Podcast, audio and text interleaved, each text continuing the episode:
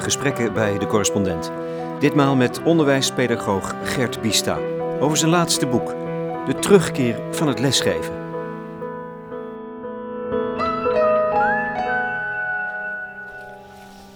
Nou, af en toe valt er eens een, uh, een eikeltje alvast uit de bomen. Hier in het bosje bij Oosterhout, Vrachelse Heide. Dat is ook werkelijk het enige gevaar wat je hier zult vinden. Het enige risico dat we lopen. Paardenkarren zag ik voorbij lopen. Uh, ja, jij bent de natuur van Edinburgh gewend, denk ik. Dat is, wel, dat is different cook. Ja, zeker. Daar hebben we bergen, zou ik zeggen.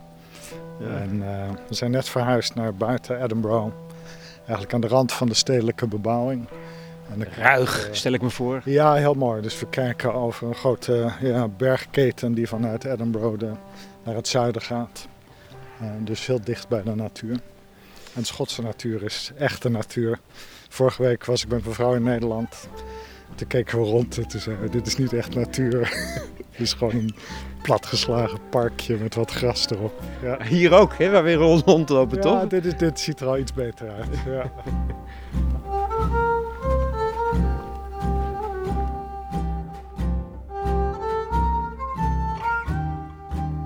Hij is voor even over uit Engeland, Gert Bista. Invloedrijke onderwijspedagoog, lid van de Onderwijsraad in Nederland bijvoorbeeld. Als je je bezighoudt met onderwijs, stuit je vroeg of laat op zijn naam. Hij mag dus niet ontbreken in mijn kleine serie Goede Gesprekken over het onderwijs. Ik las met buitengewoon veel plezier zijn laatste boek, De Terugkeer van het Lesgeven, dat ik alle leraren kan aanbevelen. Het is een filosofische onderbouwing van zijn visie op het onderwijs en ik haal er een drietal begrippen uit die zijn betoog schragen: vrijheid, volwassenheid, onwetendheid. Onderwijs draait om vrijheid, schrijft hij ergens. Het ligt ten grondslag aan zijn denken. Twintig jaar geleden verliet Gert Bista Nederland. Naar ik vermoed was dat om die vrijheid te zoeken.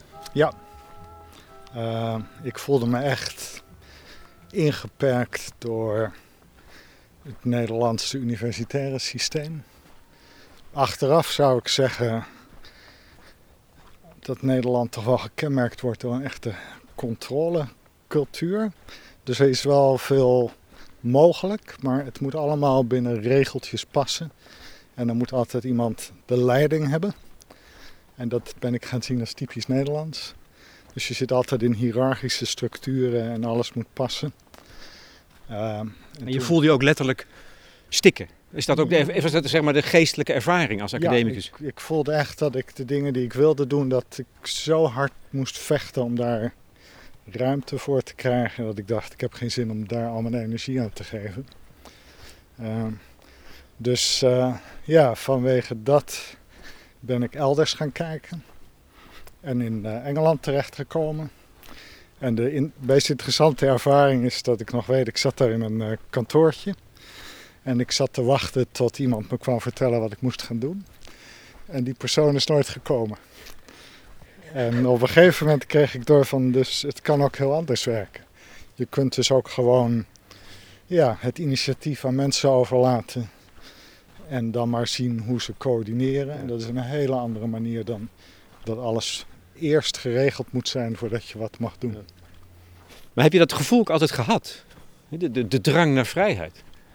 Uh, ja, ik denk het wel. Ja, leuke observatie. Uh, ik hou er überhaupt denk ik niet zo van als mensen me vertellen wat ik moet doen. Uh, waarschijnlijk Lastig hoor. Heb ik dat als kind al gehad. Dus dat is zo'n thema wat je meedraagt in je leven. Um, en als ik mijn eigen gang kan gaan, ja, dan komt er veel meer uit mijn handen dan wanneer ik. ja, mijn moeder zei altijd dat dat een Friese koppigheid is. Ah. Haar vader kwam uit Friesland. Ah. Dus, uh, ja. ja. je moet het ergens mee verklaren. Ja. We gaan even het heuveltje op. Kijken of, of uh, uitzicht zal hier niet zijn. Maar goed. Maar dat is het persoonlijke, de persoonlijke kant van, van vrijheid. Ik denk namelijk ook, als ik jouw boek lees, dat er... En het, en het zijpelt soms een heel klein beetje tussen de regels door. Het is een onderwijskundig, pedagogisch ideaal, hè? vrijheid. Mm maar er zit een politiek idee onder. Ja. Het is politiek geladen. Ja. Wat is jouw politieke visie op vrijheid? Hmm. Ik weet niet of ik een ja, politieke visie heb ik niet zo, maar ik begrijp vrijheid wel politiek. Dus ik begrijp het niet zozeer individueel of moreel. Maar uiteindelijk heeft vrijheid toch wat te maken met hoe we met elkaar samenleven. Dus dat vind ik wel een belangrijk inzicht. Wat ik ook, uh, nou daar moet ik ook hard voor werken. Want ja, vanuit mijn eigen geaardheid ben ik meer een Einzelganger, zou je kunnen zeggen. Ja. Maar het, het politieke wat daarin zit, is dat de, de vrijheid van de een moet in relatie komen met de vrijheid van de ander. En daar zit inderdaad het, het politieke van de vrijheid. Ja. En dat is voor mij belangrijk voor het onderwijs. Want dat, is, dat grondvest jouw denken. Dit, precies dit. Ja, ja ik denk dat je dat goed ziet. Ehm, en dat is meer een ideaal dan een realiteit. Dus dat is iets wat je als het ware voortdurend wakker moet houden. Hoe zie je dat in onze hele, huidige tijd? Je laat een paar keer het woord neoliberaal vallen. Ja. Uh, de wind steekt nu op. Ja, dat is uh, commentaar van de natuur. ja. um, ja, dus er zitten een aantal gekke dingen aan de vrijheid. Deels heb je het, het neo, neoliberale, dat ons als het ware een bepaalde vrijheid belooft. Maar ik, ik, noem dat wel eens gekscherend. Dat is de, de vrijheid van het winkelen. Maar dat is niet de echte vrijheid. Dat is alleen maar de vrijheid om ja, zelf te, te krijgen wat je wil hebben. Dus je kunt zeggen dat is apolitiek. En dat wordt vaak in het neoliberale wordt gezegd van nou, we, we creëren markten en iedereen is vrij om te bewegen op dat soort markten. Maar dan ben je alleen maar bezig om je, ja, je eigen verlangens achterna te lopen. Ik heb ook de indruk dat je het ziet als een soort schijnvrijheid. Die door dat politieke systeem, het kapitalistische systeem, wordt, uh, als een verlokking wordt aangeboden. Ja, ja, dus het is schijnvrijheid omdat die uiteindelijk, ja, zou ik zeggen, niet, uh, niet in de realiteit aankomt of niet in de wereld aankomt. Het is een, een vrijheid die eigenlijk alleen mogelijk is als je alleen op de wereld leeft. Ah. Ja. Uh, en dat doen we niet. Daar komen we op een gegeven moment achter dat we niet alleen op de wereld leven, maar dat er andere mensen leven en dat die wereld zelf ook een ja, integriteit heeft. En daar moeten we wat mee. Dat is het. Zullen we daar eens op, een op die boomstronk gaan zitten, Gert? Dat is, uh, het is een beetje zandverstuiving. Vroeger hei, dicht begroeid. Oh, bladeren. Een goede plek om eens eventjes door te praten. Want als het dan dus dat niet de vrijheid is, dan is er een andere vrijheid. En die heeft alles met volwassenheid te maken. Ja. Hè, dan komt het tweede begrip. Hm. Uh, als ik het probeer echt kernachtig te formuleren, dan zou ik zeggen de, de, de, taak van het onderwijs, of de, de pedagogische taak van het onderwijs, is het verlangen opwekken om, om je vrijheid op een volwassen manier op je te nemen. Ja, dat is echt de kern, denk ja, ik. Dat, uh, dat is de essentie. Dat is de, de kortste formulering. En aan de ene kant ja, onderkent dat het bestaan van vrijheid. Uh, dat ervaren we als mensen ook in ons eigen leven. Ondanks alle beperkingen komen we toch steeds situaties tegen waar we ja, linksom kunnen gaan of rechtsom, ja of nee kunnen zeggen. Dus die vrijheid is in die zin een feit. En je kunt zeggen, de grote vraag is, wat gaan we daarmee doen? Gebruiken we die gewoon ongebreideld voor onze eigen projecten? Of komen we daar in relatie mee? En volwassenheid is een manier om die relatie te benoemen. Wat is het volwassenen? Voor mij is dat vooral dat je probeert een, een vraag bij jezelf levend te houden. Namelijk of dat wat je wil, of dat wat je verlangt, of je dat zou moeten verlangen. Of dat gaat helpen ja, om zelf goed te leven, om goed samen te leven. Maar ook op, op een planeet die gewoon, ja, dat zeg ik vaak, niet aan al onze verlangens kan voldoen. Uh, en ons al jaren probeert te zeggen. Ja. Nou, daar, daar sluipt ook alweer iets politieks binnen natuurlijk. Hè? Verantwoordelijkheid voor de, voor de natuur, de omgeving, de, maat, de samenleving, alles eigenlijk, de wereld, de aarde. Uh, als ik het heel nauwkeurig zeg, is het niet zozeer verantwoordelijkheid. Um, maar ik zou zeggen, je, je laten begrenzen. Verantwoordelijkheid is toch iets wat je ja, zelf doet. We spreken vaak over verantwoordelijkheid nemen. Dus daar, daar zie je al, ik neem verantwoordelijkheid. En volwassenheid, als je het net iets anders probeert te formuleren, heeft het te maken met ja, je, je willen laten begrenzen door datgene wat je buiten jezelf aantreft. Dat is voor mij, klinkt allemaal misschien wat te, te theoretisch of te ver gezocht. Maar verantwoordelijkheid is nog steeds iets waar je zelf in controle bent. Terwijl je laten begrenzen betekent dat je een deel van die controle uit handen geeft. Essentieel voor de mens. Dat we, dat we niet de baas zijn. Ja, ja. Eh, Die gaat dwars in tegen de tendens van onze tijd. ja, nee, je zegt het is heel mooi essentieel voor de mens. Eh een, een zinnetje in het boek waar ik zelf wel heel eh, ja, tevreden over ben, is dat ik eigenlijk zeg: de, de mens is niet een, een dier dat kan leren, maar het is een wezen dat onderwezen kan worden. Dus het is precies een wezen dat begrenzing kan ervaren. Ja. En voor mij is dat veel wezenlijker voor ons mens zijn dan dat we zouden kunnen leren. Want ja, ik laat ook zien dat stofzuigers kunnen ook leren en gasmaaimachines. En Ja. daar zit in feite niet datgene wat ons eh, ja, tot mens maakt, zou ik kunnen zeggen. De oplettende luisteraar heeft inmiddels al nu al begrepen dat er een verschil is tussen leren en onderwezen worden. Ja. Komen we op terug. Want ik vind die, wat je zegt over volwassenheid, vind ik namelijk fascinerend. Je- Je moet kunnen standhouden in een onmogelijke positie. Daar willen we helemaal niet aan, maar dat is, dat is volwassenheid. Kun je, dat, kun je dat uitleggen? Ja, dat is inderdaad een van de manieren waarop ik ja, ook probeer te formuleren wat het betekent om volwassen in de wereld te, te proberen te zijn. Dat je, je komt de wereld altijd tegen als weerstand. Eh, Ja, want die wil niet wat jij wil. Weerstand. Ja. Nee, maar vooral als je dus zelf iets wil. Ja. Op een gegeven moment kom je toch iets tegen wat zegt, nee, ik, ik wil wat anders. En dat kan een andere mens zijn. Dat kan je partner zijn zelfs. Maar ook natuurlijk de, ja, de, de fysieke natuur. Ehm, en dat genereert altijd frustratie. Eh, deels willen we dingen, ja, we weten zelf ook niet waarom we dat willen, maar vaak willen we dingen uit goede bedoelingen.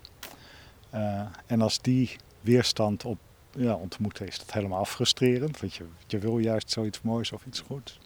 En dan is de vraag wat je, wat je doet als je dat tegenkomt. En dan kun je inderdaad zeggen, nou ik, ik beuk hard door, want ik, ik weet dat ik het goede wil. Aanvallen dus. Ja, eh, en ik, ja, ik noem dat, uit- uiteindelijk ligt daar het risico dat je de, de wereld die die weerstand biedt vernietigt. Dus de, het risico is wereldvernietiging. Maar uit die frustratie kun je ook zeggen van, nou dit is allemaal veel te ingewikkeld, ik, eh, ik loop weg. En dan ben je uiteindelijk, ik noem dat zelfvernietiging. Dus je trekt jezelf dan terug uit de wereld. En dan kun je leuk bij jezelf zitten. Eh, in het Engels hebben ze een heel mooi woord, sulken. Eh, dus dan zit je gewoon in je, je eigen frustratie rond te draaien.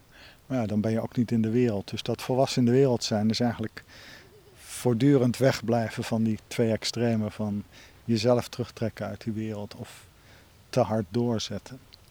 En Ja, er loopt een vader met een heel klein jongetje door het Ja. zand.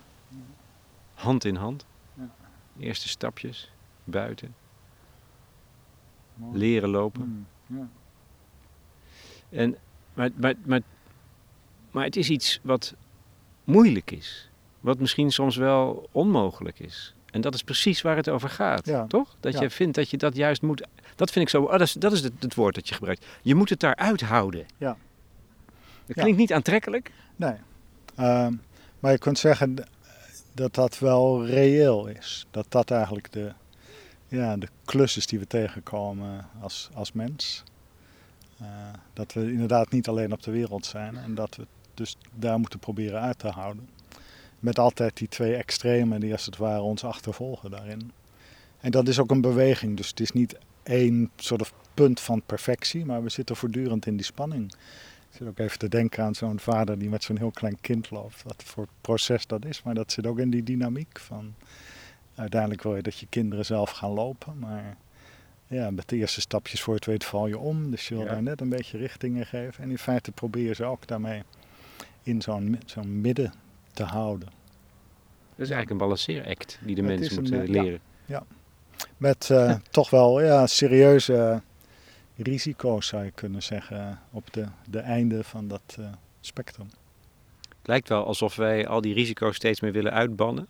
Dus eigenlijk zeg je daarmee, als je dat constateert eh, in onze tijd, dat we steeds onvolwassener worden.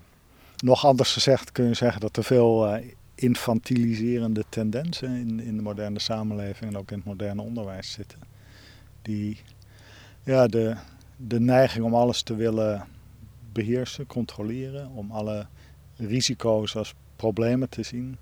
Uiteindelijk werd, werkt dat infantiliserend, omdat je in feite ja, het kind weghoudt van de wereld. Uh, ja, niet, alleen, maar, niet alleen kinderen. Nee, nee. in, in het onderwijs, alle, alle, alle docenten. In, in de zorg, alle verplegers. Uh, in de veiligheid, alle politieagenten. Ja. Dus je haalt, uh, ja, als je alle risico's weghaalt, haal je in feite de realiteit weg uit het leven.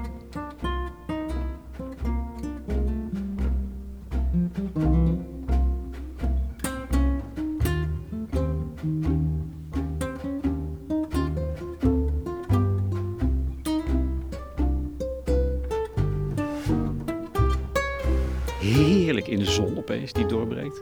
Donkere wolken pakken boven ons hoofd samen, maar ook weer helder blauw.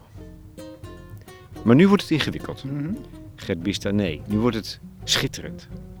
Een van de manieren waarop je dat uitwerkt, hè, die plek waar iets als een dialoog met de wereld moet plaatsvinden, is aan de hand van het werk van Levinas. Mm Grote, belangrijke Franse filosoof. Is daar iets over te zeggen in dit verband? Het is complex. Wat is de kern voor jou? De, de kern bij Levinas is dat hij een, een hele andere vraag stelt over het mens zijn.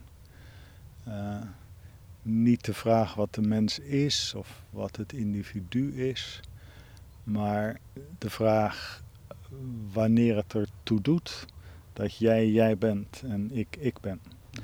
Uh, en enorm veel filosofische literatuur, maar ook psychologische literatuur en populaire psychologie is voortdurend maar bezig met die wat-vraag van wat is de mens?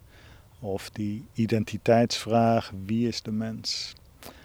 Maar nooit met eigenlijk de meest wezenlijke vraag, ja, wanneer doet de mens ertoe in zijn individualiteit? Wanneer doe jij ertoe? Wanneer doe ik ertoe? En dat vraagt dus niet naar iets naar binnen, maar het vraagt eigenlijk naar iets naar buiten. Namelijk, ja, wanneer staat mijn bestaan op het spel? Nou, dat staat niet op het spel als ik in mezelf zit rond te draaien, maar dat staat op het spel als we in gesprek raken. Of als er iets moet gebeuren, of als er iets op mijn weg komt. Dan ligt er voor mij een vraag. En dan kun je zeggen, ja, dan wordt de hele vraag van, van mij in die situatie pas een relevante vraag. Dat was het briljante inzicht wat ik op een gegeven moment ineens ja, zag bij Levinas. Dus nou ja, dat gebeurt dus met jou waar het over gaat. Dat je van buitenaf, ja. hè, er, er, breekt iets in, ja. in je systeem. Het komt van buiten, het is anders, misschien wel soms ook ongewenst. Ja. Toch? Dat is precies waar het over gaat. Ja, ja. Uh, en zo beschrijft Levinas dat ook. Dat je ja, op dat soort momenten word je als het ware uit je, je, slaap gewekt. Of uit je, je schemering. En uh, ja, moet er ineens, wordt er een appel op je gedaan. En dat appel wordt dan op jou gedaan, dus niet op de mens in algemene zin. Maar ineens sta jij daar ja, en, en moet je iets doen. Maar je bent volledig vrij om daarop in te gaan of van weg te lopen. Dus daar kun je zeggen, daar zit de, ja, het drama van de vrijheid. Dat we dus ook de vrijheid hebben om van zo'n appel weg te lopen. En volwassenheid is dan daar niet voor weglopen, maar die vraag als een levende vraag uh, proberen te beantwoorden. Ja, ja, en vooral proberen te beantwoorden. Ja. Zoals je een van de teksten van Levinas analyseert, dan gebruikt hij de term het werk, hè, dat wat er gedaan moet worden als dit zich mhm. aandient. Dacht ik, dit is een religieuze ervaring. Is het dat ook? Um, ik benoem het niet als religieus, maar ik geloof wel dat ik de term transcendent gebruik. Ehm, en vaak worden die twee aan elkaar gekoppeld. Terwijl ik zou zeggen, eigenlijk is de, de ervaring van transcendentie is de, de meest alledaagse ervaring. Dat moet je maar uitleggen. Zoals we hier zitten, in, in het, op deze open plek in het bos. Alledaagsheid. Um, nou, het feit dat jij tegen mij praat en dat ik dat niet verzin, uh, dat is transcendentie. Dus iemand zoals jij die mij aanspreekt. Uh, dat... maar is dat hetzelfde als waar Levinas het over heeft? Die grote gebeurtenis, dat werk? ik heb ehm. het gevoel dat daar meer voor nodig is om, om, om het een ervaring te laten zijn. Ja, ik denk het niet. Ik, ik, ik, zie dat juist veel meer eigenlijk in het, in het alledaagse. Ik denk dat dat belangrijk is om het transcendente daar een plek te geven. En het niet als iets heel mysterieus of verhevens of, of exceptioneels. Maar dat dat eigenlijk dat dat voortdurend gebeurt. Dat er voortdurend dingen van buiten op ons afkomen. Ja. Dus ik vind het wel mooi om dat uh, ja, klein te houden. En tegelijkertijd kun je zeggen, ja, wat is daar klein aan? Of hebben die, hebben die begrippen wel klein en groot? Ik bedoel, hoe wil je het verschil maken? Ja. Eigenlijk moeten we dit leren inzien als iets heel groot. Ja, uh, iets heel bijzonders. Dat we aangesproken kunnen worden. Dat, dat, is natuurlijk het, het is natuurlijk wel het mysterie van het mens zijn. Dat er, dat er dingen van buiten binnen kunnen komen. Op allerlei manieren.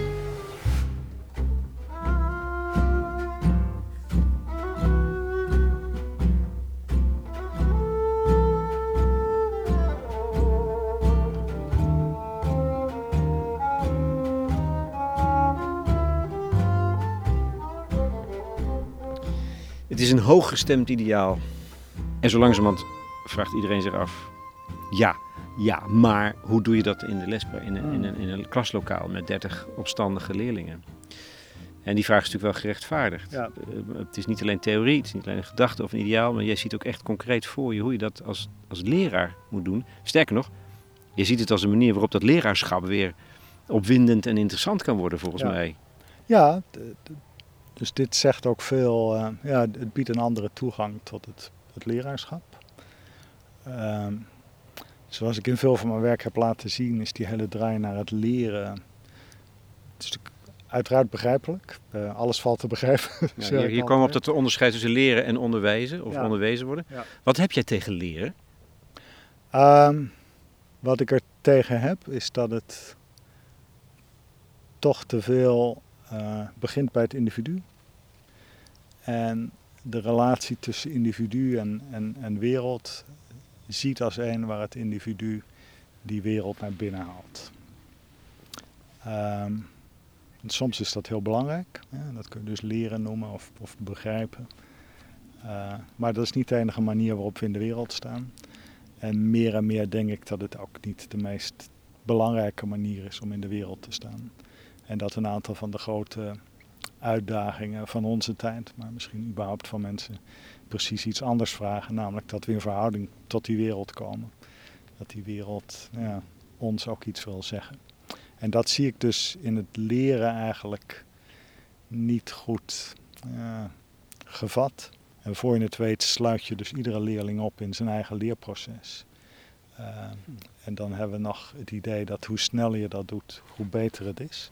Wat ik ook al niet snap, want sommige dingen hebben tijd nodig. En versnellen betekent dat je er niet de tijd aan geeft die er voor nodig is. Dus dat zijn mijn zorgen bij leren. Dat het eigenlijk, voor je het weet, schermt het kinderen en jongeren af van de wereld. In plaats van dat het ze openzet naar de wereld. Ja, en ook daar breng je het in verband met, het, met de aspecten van een neoliberale economie. Ja dat, dan wordt het ook weer politiek. Ook met de één of twee zinnetjes die je eraan wijst. Het is niet een leven lang leren, maar levenslang leren. Hm. Wij, wij, het, het, het, het, is een vorm van gevangenschap. Ja, ja. Hoe zie je dat? Nou ja, ik zie inderdaad dat in die hele discussie over, over lifelong learning in het Engels dan... Uh, dat dat meer en meer een plicht wordt. Uh, en dat zie je ook echt in, in documenten daarover. Die zeggen van we moeten levenslang leren, want anders dan stort de economie in of zo. Allerlei doemscenario's worden daar dan aan gekoppeld. En wat het meestal betekent is dat er wordt gezegd wij moeten voortdurend inzetbaar blijven voor een flexibele arbeidsmarkt. Uh, en vooral kapitalisme heeft flexibele arbeidsmarkten nodig waar als het ware voortdurend de, de, productie over de aardbol verschuift om de goedkoopst mogelijke arbeidskracht te vinden. Ja, en als het van hier naar een ander land gaat, dan moeten wij weer ons flexibel aanpassen aan het volgende. En niemand die eigenlijk de vraag stelt van in wiens belang is dat om voortdurend maar flexibel klaar te staan voor de volgende arbeidsmarkt die langskomt. Dus daar, daar zie ik eigenlijk in, in die hele plicht van levenslang leren, dat wordt meer en meer een last. Waar de lasten bij het individu liggen en de, en de lusten elders worden geplukt. Ja, in, in de vorm van concrete winsten. Maar dan zeg je met zoveel woorden dat deze overheid onderwijs ziet als een middel om ons tot machteloosheid op te leiden. Dat is een hele mooie eh, conclusie. Mag ik, het mag, ik, mag ik het als vraag formuleren? Ja, ja, nee, je kunt inderdaad zeggen uh, dat dat vooral inzet op ons aanpassen aan een dynamiek buiten ons. En daar steeds voor klaarstaan en ons steeds verder aan willen aanpassen. Maar dus niet de vraag stellen, ja, willen we wel mee met die dynamiek? Dat is ook mijn grote zorg. Ik heb daar niet over geschreven in het boek met, met 21ste eeuwse vaardigheden. Die doen vorm, volgens mij precies hetzelfde. Dus ik, ik noem ze aanpassingsvaardigheden. En als je nauwkeurig kijkt, zie je dat het allemaal vaardigheden zijn om je aan te kunnen passen aan iets wat buiten je verandert. Maar de, de grote ontbrekende vaardigheid is het stellen van de fundamentele vraag: willen we wel die kant op? En dat is een, een politieke vraag uiteindelijk. En die zit nooit in het lijstje van 21 e eeuwse vaardigheden. Eh, de vaardigheid om nee te zeggen. Dit zijn ernstige aanklachten. Ja, en, en voor mij zijn het belangrijke punten die het in ieder geval waard zijn om uh, besproken te worden. Ja. Uh, ik dwing niemand om met me mee te gaan in mijn tanklijn. Het zou ook gevaarlijk zijn als iedereen mee zou gaan. Daar zou ik ook heel ja, ongelukkig van worden als, als dat zou gebeuren.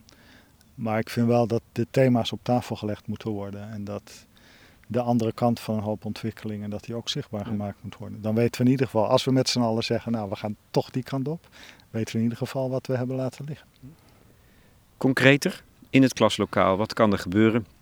Um, kinderen moeten ook, want zo ben je natuurlijk ook wel, moeten ook vaardigheden leren. De, mhm. kwalificatie noem je dat volgens mij. En um, socialisatie is het tweede ding.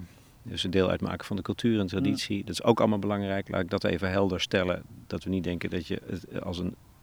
Romanticus. Uh, ja. Toch? ja, ja, ja, absoluut. Want je wil wel, het, het, het, het, moet echt anders. Maar je vindt jezelf ook niet een romantische idealist die het uh, nee, dus op zijn kop wil zetten en daarmee kapot wil maken. Nee. Het is een van de interessante dingen die ik tegen ben gekomen. Ik ben nogal kritisch geweest op de hele meetcultuur en dat focus op kwalificatie.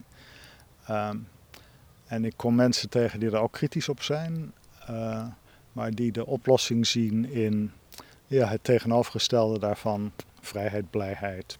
Kind moet alle ruimte hebben om zich volledig te ontwikkelen. Dat mogen we niet begrenzen enzovoort. En voor mij, als je een, uh, een slecht idee op zijn kop zet, krijg je nog niet automatisch een goed idee, maar krijg je gewoon een, een ander slecht idee.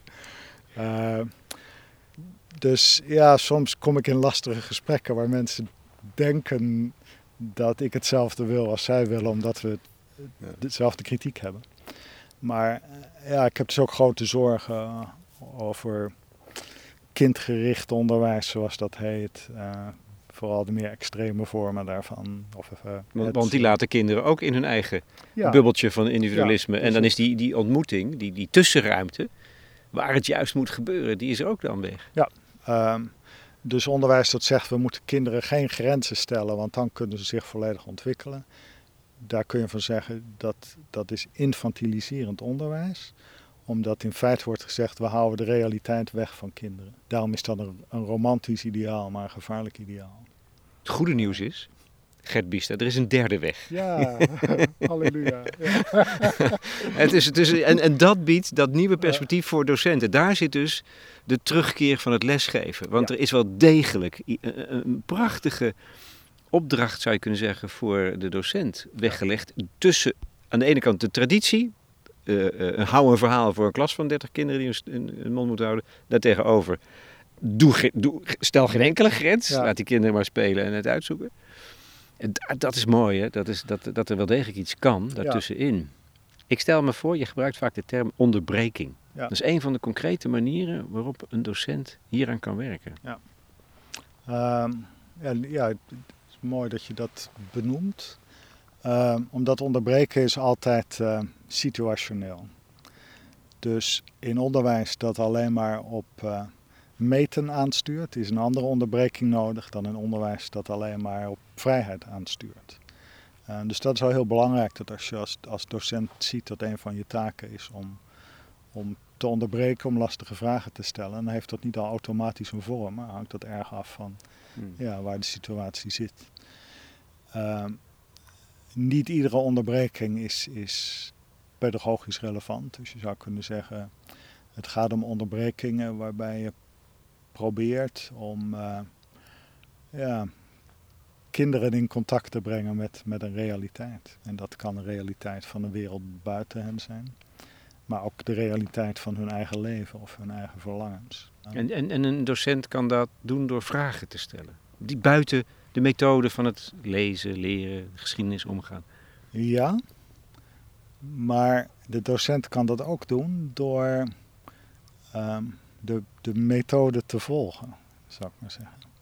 Uh, dus het is niet automatisch zo dat methoden slecht zijn.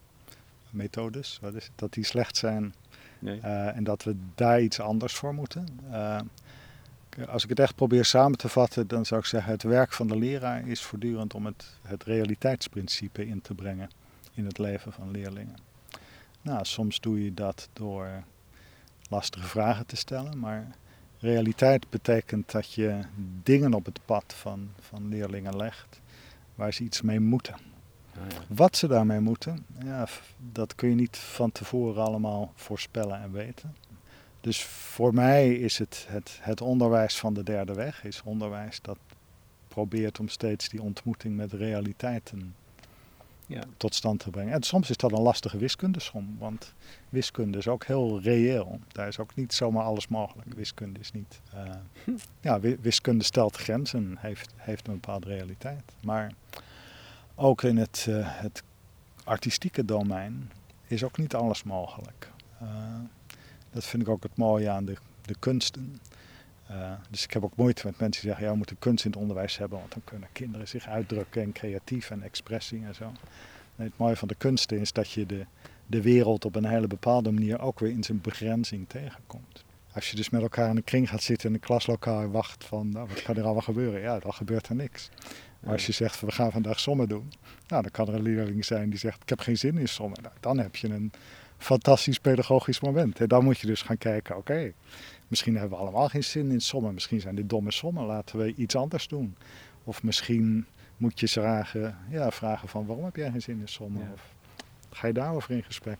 Of je zegt gewoon, nee, we gaan sommen doen. Want ja. sommen doen is ook heel belangrijk. En waartoe dan bijvoorbeeld? Hè, waartoe ja. zijn die sommen belangrijk? Wat, waar, kan je er, ja, waar leidt dat toe? Wat kun je ermee? Ja, en, maar ook dat soort vragen zijn uh, toch wel verleidelijke vragen. Uh, leerlingen zijn behoorlijk goed om dat soort vragen te stellen. Van waarom moeten we dit weten, meester? Uh, nou, en, en, soms kun je in zo'n gesprek kun je daarop ingaan. Maar er zijn ook dingen waarvan je gewoon zegt, nou, dit, dit bestaat. Dus daar gaan we ons nu eens toe verhouden. Dus er moet ook niet al te veel uitgelegd worden in het onderwijs. Sterker nog, je hoeft ook niet alles te weten. Nee. Dat is nog zo'n aspect van die derde weg. En nu komt mijn derde, mijn derde begrip. Hè? We zijn het allemaal. Zijn we er nog bij in de klas? Maar een van de dingen die een docent mag zijn, is onwetend. Hm. Nou, totaal contra-intuïtief. Ja. Um, ik, ik, wil er wel een aantal dingen over zeggen, want dat uh, trekt ook een heel blik open. Um, nou, dat, ik wil wel, Kijk, waarom kies ik ervoor? Omdat het raakt aan de relatie tussen. En dit gaat allemaal over relatie natuurlijk. Tussen de, de, de, leraar en leerling. En dat is ook altijd een machtsrelatie. Ja. En we praten ook over emancipatie. Ja. En hoe doe je dat dan precies? Wat is de relatie tussen vrijheid en lesgeven? Dat is eigenlijk de vraag. En, en een oplossing is de onwetendheid van de docent. Ja. Nou heb ik het goed gesteld. Ja, oké. Nee, daar, dat is de heel specifieke discussie. Maar heel even om het thema wat breder te trekken. Ehm, niet alles in het leven valt te begrijpen. En weten heeft ook zijn grenzen. Ehm, En wat ik nogal vaak zie, ook in het onderwijs, is een tendens van ja, we moeten eerst alles begrijpen en dan kunnen we pas handelen. Ehm, en ik denk dat dat gewoon niet klopt. Want begrijpen is een, een oeverloos, oneindig proces. Dus daar kan je altijd mee bezig blijven. Maar soms moet er gewoon iets gebeuren. Ja, en er zijn dingen die zullen we nooit begrijpen. En toch, toch moeten we daar handelen of moeten we het daarbij uithouden. Dus onwetendheid in die zin is ook wel belangrijk, zodat we niet in de val stappen. Dat we denken eerst alles te moeten begrijpen voordat we dingen kunnen doen. Dus ik denk ook andere mensen zijn fundamenteel ook niet te begrijpen. En toch moeten we het ermee uithouden. En misschien moeten we wat meer aandacht aan die, die tweede taak geven.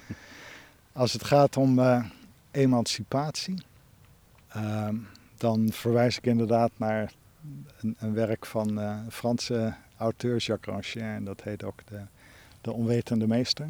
Daar zit wel iets heel moois in.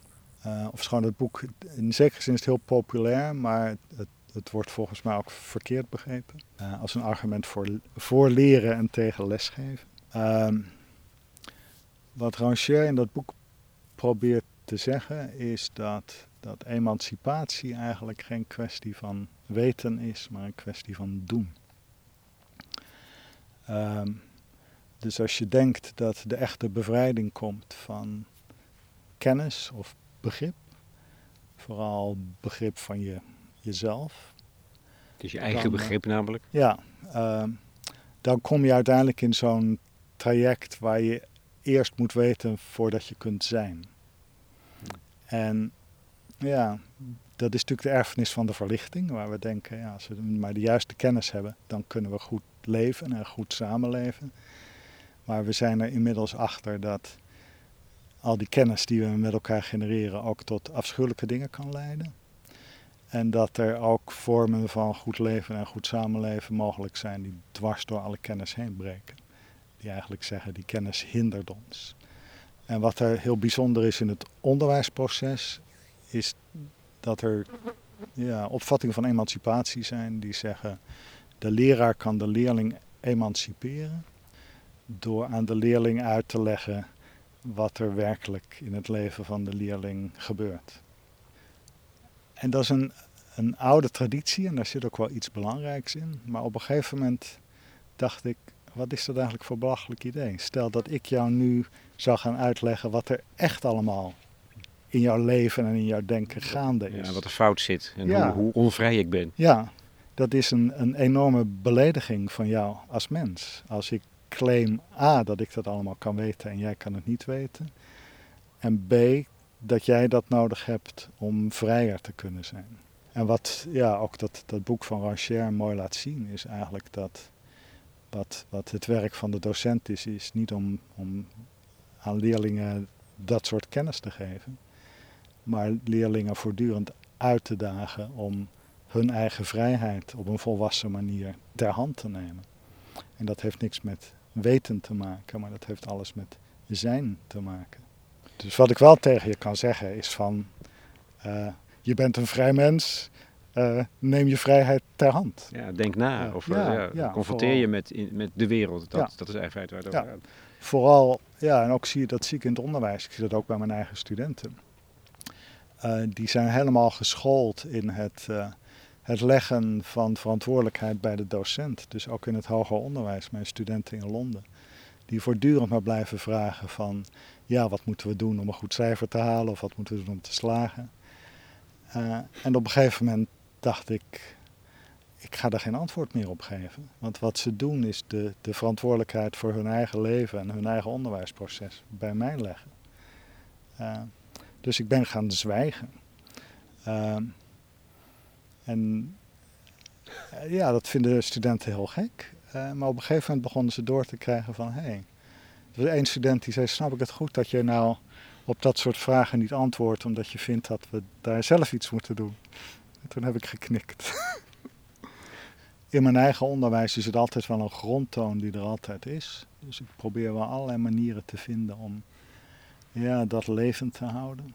Uh, ik, ik, heb ook een heel onderwijsprogramma opgezet waarin niks getoetst wordt. Volgens de bureaucratie kan dat helemaal niet. In Nederland maar, wel. Uh, daar heb ik een weggetje gevonden. Ja, serieus? Ja. En, uh, Hoe dan? Want het, is, het maakt me wel nieuwsgierig. Uh, om de inspectie heen dus? Nou ja, het, het, is een, uh, het is een tweejarige cursus die deel is van een vierjarig traject wat opleidt tot een dokterstitel. Dat is een speciaal programma.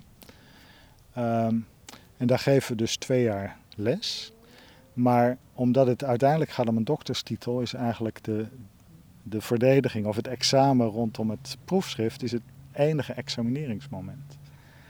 Um, dus ik heb gezegd, ja, dat is het enige moment waarop er getoetst moet worden. En alles daarvoor is, is vrije ruimte om daar naartoe te werken. Ja. Dus dat, ja, dat was een, een grappige en gelukkige vondst. En, en weer zie je dat studenten dat aanvankelijk niet snappen. En daar nerveus van worden, omdat ze heel anders gesocialiseerd zijn. Van ja, je komt een klas binnen, uh, er ligt een klus, die moet je doen en dan krijg je een cijfer en dan weet je hoe je het gedaan hebt. En door dat allemaal weg te halen, ja, creëer je een hele andere grondtoon in zo'n onderwijsdynamiek. Dat is heel mooi.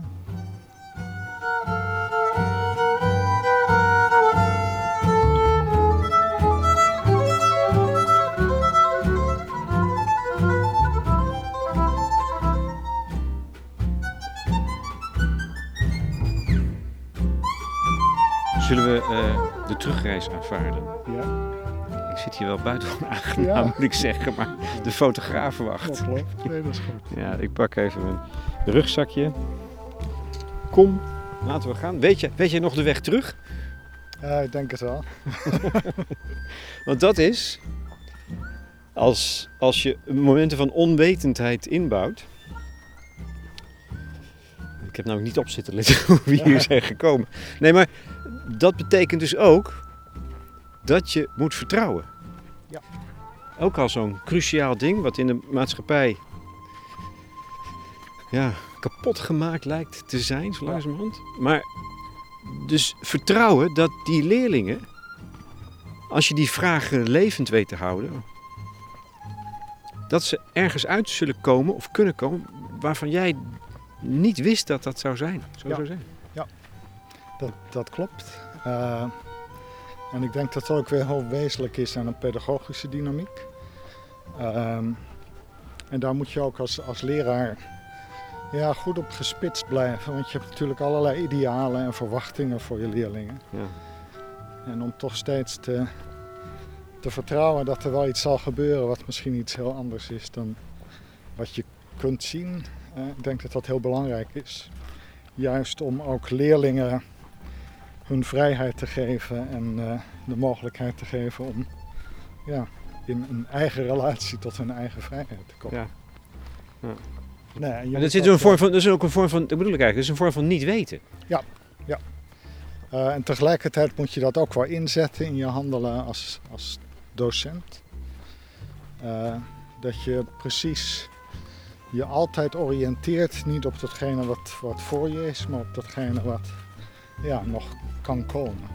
Ik noem dat in het laatste hoofdstuk van het boek het, het onmogelijke vragen. Ja. En het onmogelijk is niet wat, wat niet mogelijk is. Maar dat is altijd dat waarvan we nu nog niet kunnen voorspellen dat het mogelijk kan zijn. Dus ik had toen onze jongste zoon 14 was, niet kunnen voorspellen dat hij tien jaar later een fantastische vader zou zijn. Het is gewoon, was onmogelijk om je dat voor te stellen. Het was gewoon nou misschien wel een lastige jongen voor ons, maar hij ja, had ik last van zichzelf en was gewoon aan het zoeken. Uh, en ineens tien jaar later staat hij daar met een kind op zijn armen. Uh, dat, dat betekent dat je je moet blijven oriënteren op wat je eigenlijk niet kunt voorstellen dat ooit een mogelijkheid wordt. En alleen dan hou je eigenlijk een toekomst open. En zolang je dat allemaal ja, wil inperken, risico uitdammen, leerlijnen waarvan je al weet waar ze uit moeten komen, ben je niet met onderwijs bezig, maar met management of bureaucratie. Lopen wij goed trouwens, zo? Klopt dat? Uh, volgens mij moeten we op een gegeven moment. We zijn verdwaald. We zijn verdwaald.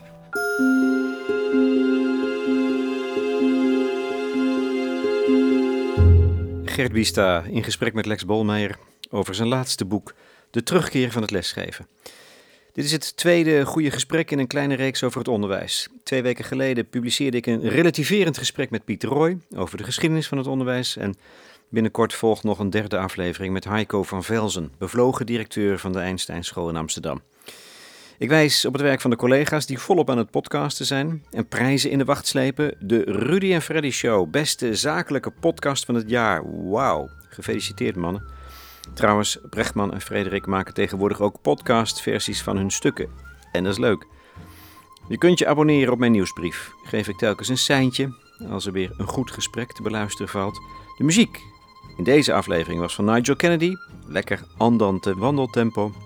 En tenslotte, je kunt, als je lid bent van de correspondent, reageren op het platform. Wat vinden jullie van de ideeën van Bista? Van die terugkeer van het lesgeven. Zelf is hij ook benieuwd naar jullie reacties. Ja, ik ben vooral wel benieuwd of ik, eh, of ik iets zie wat anderen ook zien, zou ik maar zeggen. Ja, ja. Ehm, of het inderdaad zo is dat het, het leraar zijn in zekere zin toch wel ja, ondermijnd is door al dat gepersonaliseren en focus op leren en de leerling. Ja. Ehm, en dat het erop lijkt dat het het enige alternatief is om de leraar weer tot een machtsfiguur te maken. En dat wil ik zeker ook niet. Maar dat, dat de leraar wel degelijk iets zinvols te doen heeft in het onderwijs. Ja. Dat, ja, ik ben wel benieuwd hoe anderen dat zien.